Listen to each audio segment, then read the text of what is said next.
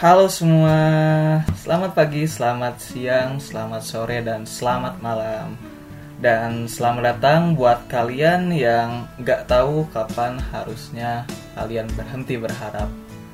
Sama seperti mencintai, memberi namun tak harap kembali.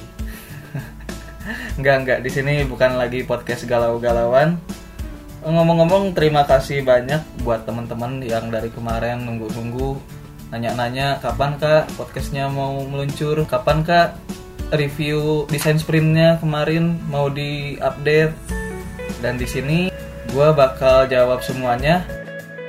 Jadi satu minggu lalu tepat banget satu minggu lalu gue baru aja ditunjuk jadi fasilitator di dalam workshop yang menurut gue ini workshopnya mahal banget. Kalau teman-teman cari di luaran sana workshop ini bisa nyampe satu juta atau 2 juta harganya tuh.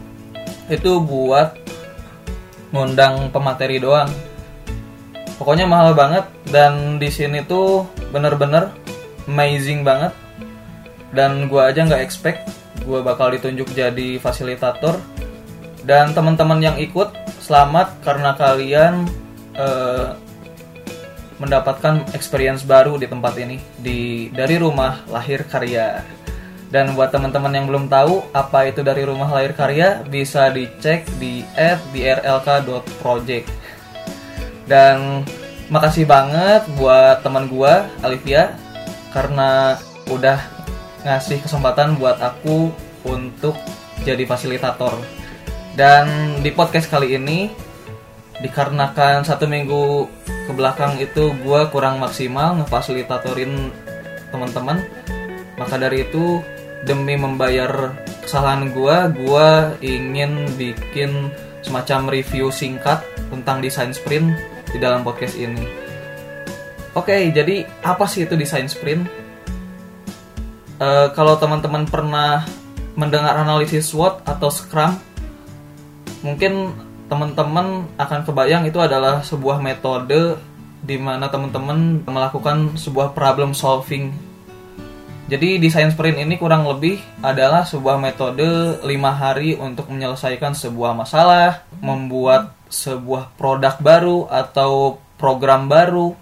Jadi ini cocok banget bagi teman-teman yang hari ini punya kesibukan di kantornya atau di organisasinya pernah nggak sih kebayang kalau duh gue kenapa sih tiap malam merapat mulu?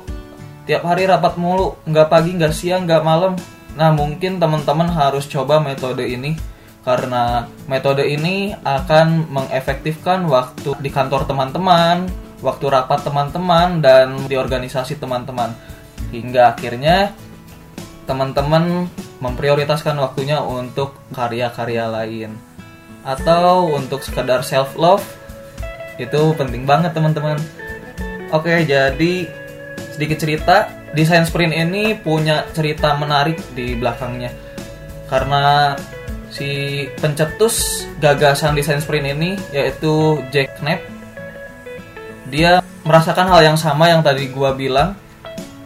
Jadi berawal dari keresahan dia yang kalau bekerja di kantor itu nggak efektif banget waktunya. Jadi di situ dia tercetus untuk gimana sih caranya untuk mengefektifkan waktunya di kantor mengefektifkan waktu meetingnya dan dia ternyata punya prioritas lain. Prioritas yang menurut dia itu lebih penting yaitu waktu bersama anaknya.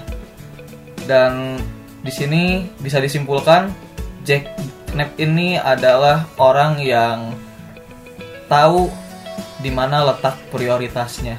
Dan di desain sprint ini mudah-mudahan bisa menjawab keresahan-keresahan teman-teman. Mungkin ada yang punya keresahan yang sama? Barangkali punya bisa share langsung. Baik. Sampai ketemu di podcast selanjutnya. Jangan lupa istirahat, jaga semangatnya, tetap rendah hati dan buka pikirannya untuk mencapai pengalaman-pengalaman baru. Tepuk tangan buat kita semuanya. Terima kasih. Assalamualaikum warahmatullahi wabarakatuh.